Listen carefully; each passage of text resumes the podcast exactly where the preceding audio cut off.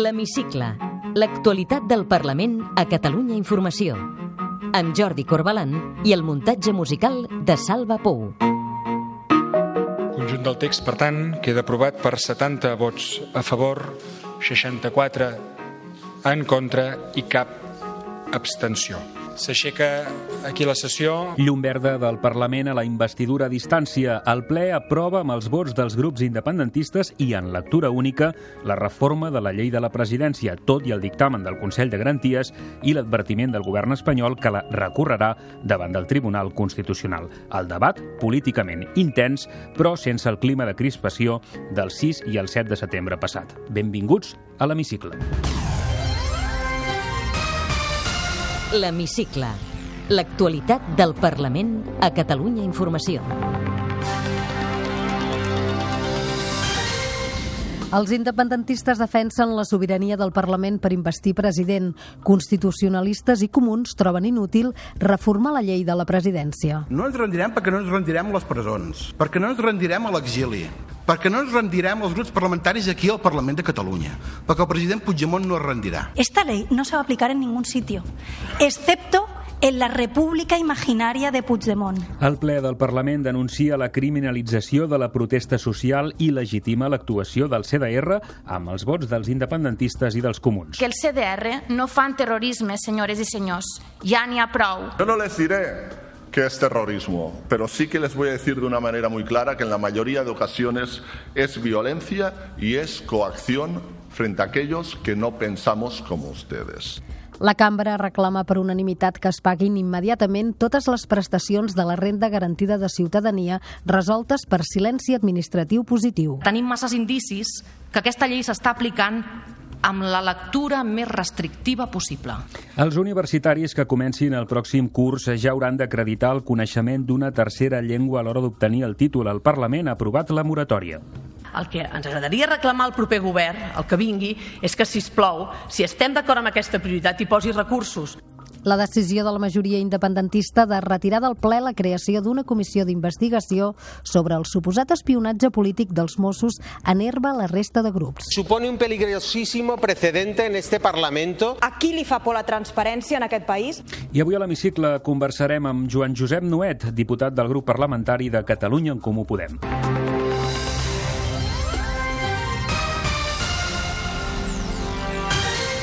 El ple del Parlament ha aprovat per lectura única la reforma de la llei de presidència que obre la porta a una investidura i a reunions de govern a distància. Junts per Catalunya, Esquerra i la CUP hi han votat a favor, la resta en contra. Una modificació legislativa que podria no servir de res perquè el govern espanyol ja ha començat els tràmits per portar-la al Tribunal Constitucional. Ho expliquem ara amb Pilar Merodio. La reforma plantejada per Junts per Catalunya permet una investidura a distància i la possibilitat de nomenar i fer reunions de govern amb consellers a l'exterior. Escoltem els arguments a favor d'Albert Batet de Junts per Catalunya, Antoni Castellà del grup republicà i Maria Sirvent de la CUP, que aprofitava per fer-los un avís. És una qüestió de sobirania. Qui mana a Catalunya? Els catalans o el rei? Qui mana a Catalunya? El vot a les urnes o els estaments judicials? Qui mana a Catalunya? La voluntat popular o la majoria parlamentària o el senyor Mariano Rajoy i el tripartit del 155 que van perdre les eleccions del 21 de desembre? Qui mana a Catalunya? La democràcia o la repressió? És molt simple. És possible que aquesta llei o aquesta modificació de llei no serveixi per investir a ningú, perquè se la carreguin, com s'han carregat tot el que no els agrada utilitzant els aparells de l'Estat. Però tinguin clar una cosa. Per més que l'Estat exerceixi la violència política, judicial i física, la voluntat democràtica i en pau de la majoria transversal del poble de Catalunya és imbatible. Estem disposades a assumir totes les responsabilitats que calgui. Entrar a la mesa i els hem dit el que faci falta. Això sí, per resseguir els límits de l'autonomia, mitjançant modificacions legislatives. I, finalment, acaba fent el que ens dicta l'estat espanyol, a nosaltres no ens hi trobaran. Busquin altres aliats. Ciutadans, socialistes i populars han recordat el revés del dictamen del Consell de Garanties Estatutàries i han insistit que la reforma no servirà de res. Els comuns reclamen que els partits independentistes desbloquegin la investidura. Escoltem Inés Arrimadas, Miquel Iceta, Xavier Domènech i Santi Rodríguez. Esta ley no se va a aplicar en ningún sitio, excepto en la república imaginaria de Puigdemont. En la República Imaginaria de Puigdemont quizás esta ley Puigdemont sea vigente, pero en la realidad democrática de los catalanes esta ley no va a ser vigente ni Puigdemont va a ser presidente. ¿Lo entienden o no lo entienden? Pensin en el país. Pensin en el conjunt de la ciutadania. Pensin en com contribuïm entre tots a normalitzar el funcionament institucional del país. I fins i tot, com podem contribuir de la forma més eficaç possible a tancar ferides, superar divisions i fins i tot fer més planer el difícil camí dels que esperen una resolució judicial. Prou de simbolismes només per justificar decisions que ni vostès mateixos saben quines són, perquè no ho saben. No saben el que diran dissabte, no saben el que diran la setmana vinent, de fet no ho sap probablement. Ni aquells que vostès han decidit, que ho decideix no només per als 34 diputats i diputades, sinó que decideix per tot el Parlament i per tot el poble de Catalunya. No hi ha cap Parlament de cap democràcia del món que s'hagin plantejat mai que el procés d'investidura d'un president hagi de ser per mitjans telemàtics. Els hi demano que recuperin el sentit comú. L'Hemicicle. El Parlament a Catalunya Informació. El govern espanyol ha començat els tràmits preceptius encarregant el dictamen al Consell d'Estat per recórrer la reforma d'aquesta llei de la presidència davant el Tribunal Constitucional. I el grup parlamentari de Ciutadans ja ha demanat aquesta setmana al TC que prengui mesures cautelars i suspengui la delegació de vot dels diputats eh, Carles Puigdemont i Toni Comín. Argumenten que per urgència excepcional l'alt tribunal pot suspendre cautelarment la delegació de vot, encara que com a norma general aquesta potestat només s'aplica quan s'admet admet a tràmit un recurs del govern espanyol. Inés Arrimadas va retreure al govern de Mariano Rajoy que no hagi pres la iniciativa. Demanem al govern d'Espanya que reaccioni. No entenem com el senyor Rajoy, la senyora Sáenz de Santa Maria o el govern d'Espanya en general no eh, reaccionen. Si tenen algun acord, que ho expliquin, perquè nosaltres no ho entenem. No ho entenem. El vicepresident primer del Parlament, Josep Costa, i el secretari de la mesa, Eusebi Campdepadrós, tots dos de Junts per Catalunya, s'han negat aquesta setmana dues vegades a acceptar la notificació de l'últim requeriment del Tribunal Constitucional que adverteix la mesa que pot incórrer en responsabilitats penals si desobeeixen la interlocutòria que veta la investidura a distància de Puigdemont. L'Hemicicle. L'actualitat del Parlament a Catalunya Informació. El ple del Parlament ha aprovat aquesta setmana una resolució d'Esquerra Republicana que denuncia el que qualifica de vulneració de drets civils i polítics que està patint la ciutadania, les institucions i els seus representants elegits democràticament. La resolució prosperava majoritàriament amb els vots d'Esquerra, Junts per Catalunya i Catalunya en Comú Podem. En el text es denuncia la vulneració de drets, una ingerència jurídica i la desproporció de les actuacions policials. També es demana l'alliberament de les preses i els presos polítics, les condicions perquè puguin tornar les persones exiliades i al final de l'article 155. La CUP, que va votar en contra d'un dels punts, va retreure Esquerra que hagués renunciat a reivindicar l'1 d'octubre en el text. Sentim la copaire Natàlia Sánchez i la rèplica de la diputada d'Esquerra, Anna Caula, que va reivindicar el compromís dels republicans. El dret a l'autodeterminació és un dret irrenunciable, és un dret polític i renunciable. I vostès, en aquest text, què és el que quedarà quedarà escrit en aquesta cambra i han renunciat. Han dit que no. El nostre compromís amb l'autodeterminació em sembla que és ple. Recordem qui va permetre que aquest 1 d'octubre es dués a terme qui és a la presó. I aquest mateix ple del Parlament ha avalat els CDRs com una forma d'acció política legítima i de protesta no violenta. La proposta de resolució presentada conjuntament per Junts per Catalunya, Esquerra i la CUP també va rebre el suport dels comuns. En canvi, Ciutadans, socialistes i populars hi van votar en contra. El text aprovat denuncia la criminalització de les accions dels comitès de defensa de la República i les accions de l'estat espanyol i de la justícia en contra d'aquest moviment perquè es considera que es vulneren els drets civils i polítics dels ciutadans i insta la Fiscalia a retirar les acusacions contra els activistes dels CDRs. Escoltem Mònica Sales, de Junts per Catalunya, Rubén Wagensberg, d'Esquerra, Maria Sirvent, de la CUP i Joan Josep Noet, dels Comuns. Que el CDR no fan terrorisme, senyores i senyors. Ja n'hi ha prou. Siguem francs, aquí s'està intentant imposar un relat judicial on la violència és un ingredient necessari. L'estat espanyol, en totes les seves formes, ha engegat un procés de criminalització del moviment independentista. Gràcies a que molts CDRs de la història van lluitar per aquests drets, avui tots nosaltres els podem fer servir. Ciutadans, socialistes i PP van rebutjar legitimar les accions dels CDRs. Escoltem els arguments de Sònia Sierra, de Ciutadans, el socialista Ferran Pedret i Xavier García Albiol, del PP català. Oi que nosaltres hem guanyat les eleccions i no ens dediquem a posar llaços taronges per les ciutats? Respectem que l'espai públic és de tot, respectin l'espai públic, els carrers no són seus. Els carrers seran sempre nostres, han dit. Bé, doncs no, els carrers seran sempre de vostès i de tots els demés. Yo no les diré que es terrorismo, pero sí que les voy a decir de una manera muy clara que en la mayoría de ocasiones es violencia y es coacción frente a aquellos que no pensamos como ustedes. El ple va rebutjar, en canvi, una proposta de resolució de Ciutadans que demanava als sindicats i als seus líders que respectin la pluralitat política de tots els seus afiliats. L'Hemicicle. El Parlament a Catalunya Informació. I el Parlament reclama que es paguin immediatament totes les prestacions de la renda garantida de ciutadania que estan en situació de silenci administratiu positiu. El ple d'aquesta setmana ha aprovat dues propostes de resolució presentades pel grup Socialistes i Units per Avançar i els comuns que també demanen que es doti dels recursos necessaris la prestació i que s'apliqui sense restriccions. La diputada de Catalunya en Comú Podem, Marta Ribas, va lamentar que set mesos després de la creació de la renda només se n'hagin concedit un miler. Ens diran que això s'ha d'arreglar, resoldre amb un reglament, que la llei no preveia algunes casuístiques, que han sorgit problemes sobrevinguts. Cert, i m'ho vull creure.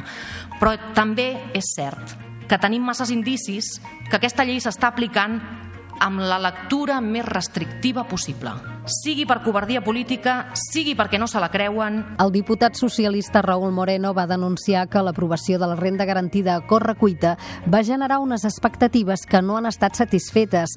També va reclamar al Departament de Treball més transparència i recursos. Els universitaris tindran 4 anys més de coll per acreditar el coneixement d'una tercera llengua com a condició necessària per obtenir el títol al final de la carrera. El Parlament ha aprovat per unanimitat una moratòria i l'obligació afectarà als universitaris que s'estrenin el curs que ve. En el debat de la llei d'acompanyament dels pressupostos del 2014 es va establir que els estudiants que començaven aquell curs havien d'acreditar aquest coneixement. Quatre anys després, quan havia de sortir la primera promoció que ho havia d'acreditar, el Parlament ha aprovat una moratòria de quatre anys. El Consell Interuniversitari ja ho va demanar l'estiu passat, després que les proves de nivell no fossin bones. La diputada socialista Alicia Romero, impulsora de la modificació, feia aquest prec al pròxim govern. El que ens agradaria reclamar al proper govern, el que vingui, és que, si plou, si estem d'acord amb aquesta prioritat, hi posi recursos, perquè d'aquí quatre anys no calgui fer una altra moratòria perquè el nivell s'ha assolit. I al ple d'aquesta setmana hi ha hagut també polèmica després que la majoria independentista ha frenat la comissió d'investigació sobre el suposat espionatge a polítics i periodistes per part dels Mossos. Junts per Catalunya, Esquerra i la CUP van decidir a la Junta de Portaveus fer caure aquest punt de l'ordre del dia del ple, cosa que va enervar la resta de grups. El secretari del Ministeri de l'Interior, Juan Antonio Puigcerver, ara al capdavant de la Conselleria, havia fet arribar una carta al Parlament en què demanava que no es posés en marxa ara la comissió perquè el cas està judicialitzat. Tot i això, l'argument dels independentistes ha estat formal. S'havia acordat que en aquest ple cada grup presentés només una proposta de resolució, un argument que no va convèncer als altres grups. Sentirem Carlos Carrizosa, de Ciutadans, la socialista Assumpta Escarp, Elisenda Alemany dels Comuns i el portaveu popular Alejandro Fernández. Supone un peligrosísimo precedente en este Parlamento de que la mayoría parlamentaria pueda eh, suprimir sin causa alguna determinados puntos del orden del día cuando por motivos políticos quiera hacerlo así. No deixa de ser xocant que el Dia Internacional de la Llibertat de Premsa sigui el dia que aquest plenari vegi retirada una comissió d'investigació que, entre altres coses, investiga l'espionatge a periodistes d'aquest país. Em sembla que és cutre, molt cutre, venir a dir que és per un tema formal que avui no podem aprovar una comissió d'investigació d'aquestes característiques. A qui li fa por la transparència en aquest país? Aquesta presumpció de democràcia que sempre posen damunt de la taula, avui en aquest cas se l'han passat doncs, pels respectes. I el ple d'aquesta setmana ha acordat també una declaració en defensa de la integritat de les dones. La declaració que va llegir la secretària de la mesa, Alba Vergés, qualifica d'ignominiosa la sentència de l'anomenat cas de la manada. El Parlament de Catalunya expressa el seu profund malestar i rebutja el tracte patit per la víctima per part d'una de les institucions de què hom n'espera empara, protecció i justícia. I aquest divendres el Parlament ha designat en un ple específic que s'ha fet després del ple ordinari els vuit senadors autonòmics que representaran la Generalitat a la Cambra Alta aquesta legislatura. La designació va tenir el suport de tots els grups, excepte la CUP, que es va abstenir perquè entén que no té cap sentit designar senadors. A la vigília es va reunir la Comissió de l'Estatut dels Diputats que va dictaminar a favor de la designació dels senadors. Francesc Xavier Alegre i Lorena Roldán, de Ciutadans, Josep Lluís Claries i Marta Pascal, de Junts per Catalunya, Mireia Cortés i Bernat Picornell, d'Esquerra, José Montilla, del PSC i Units, i Sara Vilà, dels Comuns. L'Hemicicle. L'actualitat del Parlament a Catalunya Informació. Joan Josep Nuet, diputat del grup parlamentari de Catalunya en Comú Podem, coordinador general d'Esquerra Unida i Alternativa. Benvingut a l'Hemicicle. Hola, què tal? Molt bones. El Parlament acaba d'aprovar la reforma de la llei de la presidència. Servirà d'alguna cosa? Bé, crec que no, i és una llàstima perquè hagués estat un debat interessant, que és l'adequació al segle XXI d'aquesta llei, però resulta que jo crec que neix una mica morta, molt vinculada al debat de si Puigdemont ha de ser o no president, i per tant no ha presidit el debat realment els temes de fons, i realment doncs, hi ha l'anunci per part del Tribunal Constitucional, del govern d'Espanya, que impugnarà la llei davant del Tribunal Constitucional i possiblement amb, amb hores o amb dies quedarà anul·lada i per tant realment si al final hi ha un govern efectiu que no presideix Carles Puigdemont també serà un tema passat part, podríem dir, de la gesticulació que la majoria independentista necessitava per fer aparèixer finalment un pla D i un quart nom que sigui una presidència efectiva de la Generalitat de Catalunya. Creu que ha arribat el moment doncs, de posar sobre la taula aquest pla D? Sí, crec que és imprescindible tenir un govern efectiu a Catalunya, és un factor d'estabilitat, és un factor també del dia a dia, de la solució de moltes problemàtiques de polítiques socials i econòmiques que estan en aquest moment, podríem dir, doncs, qüestionades o paralitzades.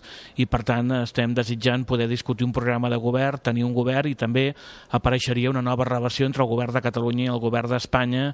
Eh, podríem dir que abordaria coses com per exemple les inversions necessàries en aquest moment que estem en ple debat i en plena tramitació dels pressupostos generals de l'Estat. No podem perdre aquestes oportunitats i el boicot, podríem dir, de no tenir govern seria un autoboicot que ens faríem a nosaltres mateixos i a les nostres institucions. Amb polítics i líders sobiranistes a la presó i a l'estranger, hi pot haver un govern d'efectiu? Com d'efectiu pot ser aquest govern?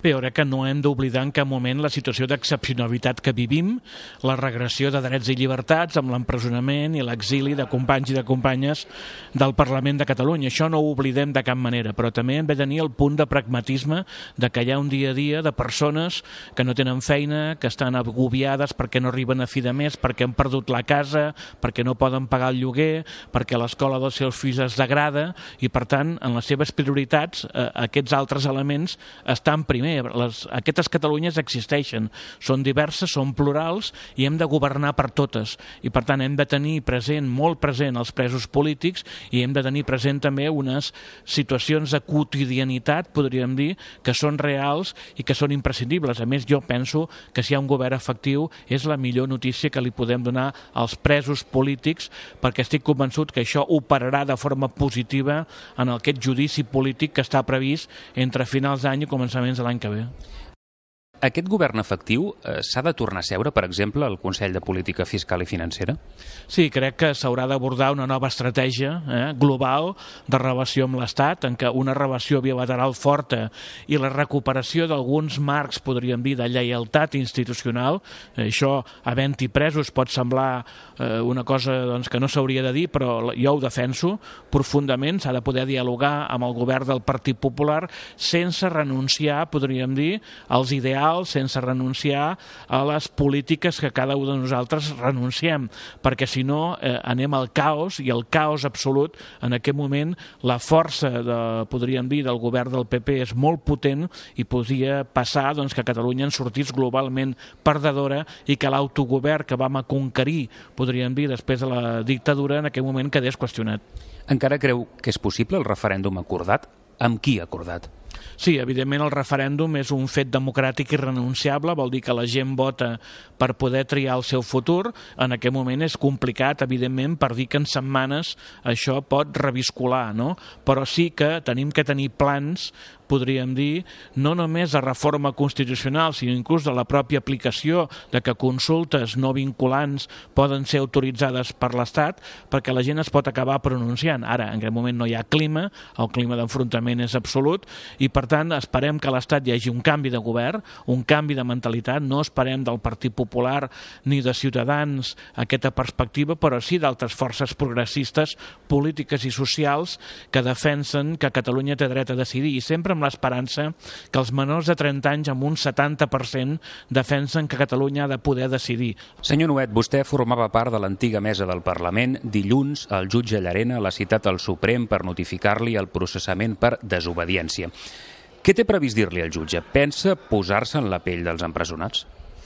Sí, evidentment, en primer lloc anem a explicar el que veritablement va passar al Parlament, que no va ser, com s'afirma per part del jutge, una voluntat de desobeir el Tribunal Constitucional, sinó que va ser una voluntat d'obeir eh, les regles democràtiques del funcionament parlamentari. Sempre a la llarg de la història, en 40 anys, el Parlament de Catalunya s'havia vist sotmès a que alguns dels seus acords havien estat declarats inconstitucionals. Això mai va ser un problema. Ara hi ha hagut una modificació i es vol fer una censura prèvia. Així sí que és una modificació del mecanisme parlamentari, una ingerència del poder judicial en el poder legislatiu. Aquest fet no té precedents a l'Europa democràtica i per tant anem a explicar que el que van fer era facilitar un debat i que per exemple en aquest debat molts, com jo mateix, després davant de les lleis independentistes van votar no en el Parlament, però no permetre aquest debat en un Parlament, sigui el català, sigui el, el de Madrid o sigui un altre Parlament, penso que no li fa cap favor a la democràcia i estaríem posant la democràcia a l'alçada de països autoritaris i no de les primeres democràcies d'Europa. Això li recordaré al jutge, li reflexionaré i sempre crec que amb la reflexió i la pedagogia es poden canviar consciències. Carme Forcadell, l'expresidenta del Parlament Carme Forcadell, companya seva a l'antiga mesa, és a la presó per aquestes mateixes eh, decisions. Sí, jo crec que està a la presó de forma absolutament injusta. Carme Forcadell no volia desobeir el Tribunal Constitucional, volia obeir el mandat democràtic que va rebre de la ciutadania i facilitar un debat polític. Després, posteriorment, ella ha deixat clar eh, per activa i per passiva que acata les sentències del Tribunal Constitucional. Per tant, no hi ha desobediència, perquè la desobediència només existeix quan hi ha una voluntat de desobeir i aquesta voluntat no era existent. Per tant, crec que és una presonera política política, una persona a la que estimo i respecto profundament i lluitaré fins eh, que pugui perquè surti de la presó i torni a fer política o torni a fer la vida que ella cregui necessària eh, a Catalunya. Té previst anar a visitar-la amb ella o a la resta de preses i presos eh, a les presons de Madrid?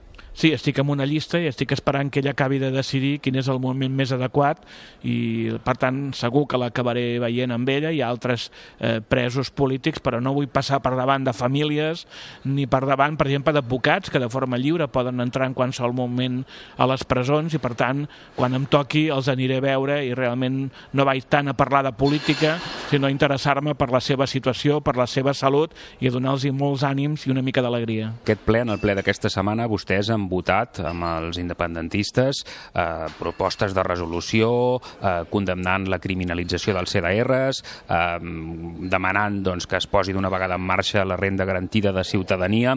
Eh, els comuns es poden arribar a entendre eh, amb un futur govern republicà?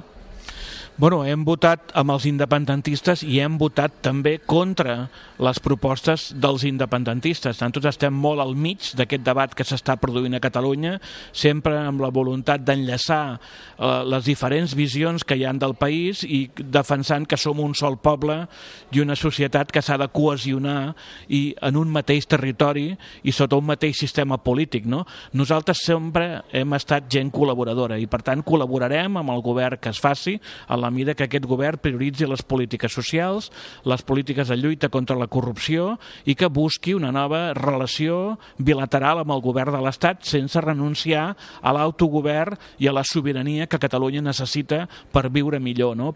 Joan Josep Noet, diputat del grup parlamentari de Catalunya en Comú Podem, coordinador general d'Esquerra Unida i Alternativa. Gràcies per acompanyar-nos aquí al, al Saló de Canalobres del Parlament, a l'hemicicle. Gràcies a vosaltres i sempre col·laborador amb la ràdio pública de Catalunya. Podeu tornar a escoltar l'Hemicicle al web catradio.cat barra hemicicle o al podcast del programa i seguir l'actualitat del Parlament al perfil de Twitter arroba L-hemicicle.